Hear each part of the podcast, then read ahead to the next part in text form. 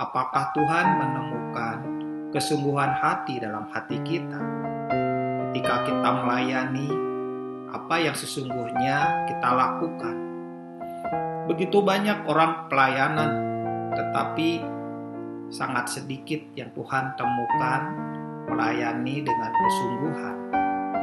Ada orang-orang yang ingin terlihat sungguh-sungguh di depan banyak orang. Ada orang yang ingin dipuji karena rohani. Ada banyak orang yang kelihatannya bersandiwara, tetapi apa pun yang kita lakukan, kita nggak bisa menghakimi satu dengan yang lain. Mengapa? Karena Tuhanlah yang melihat kondisi hati kita yang sebenarnya. Tuhanlah yang melihat keadaan yang sebenarnya.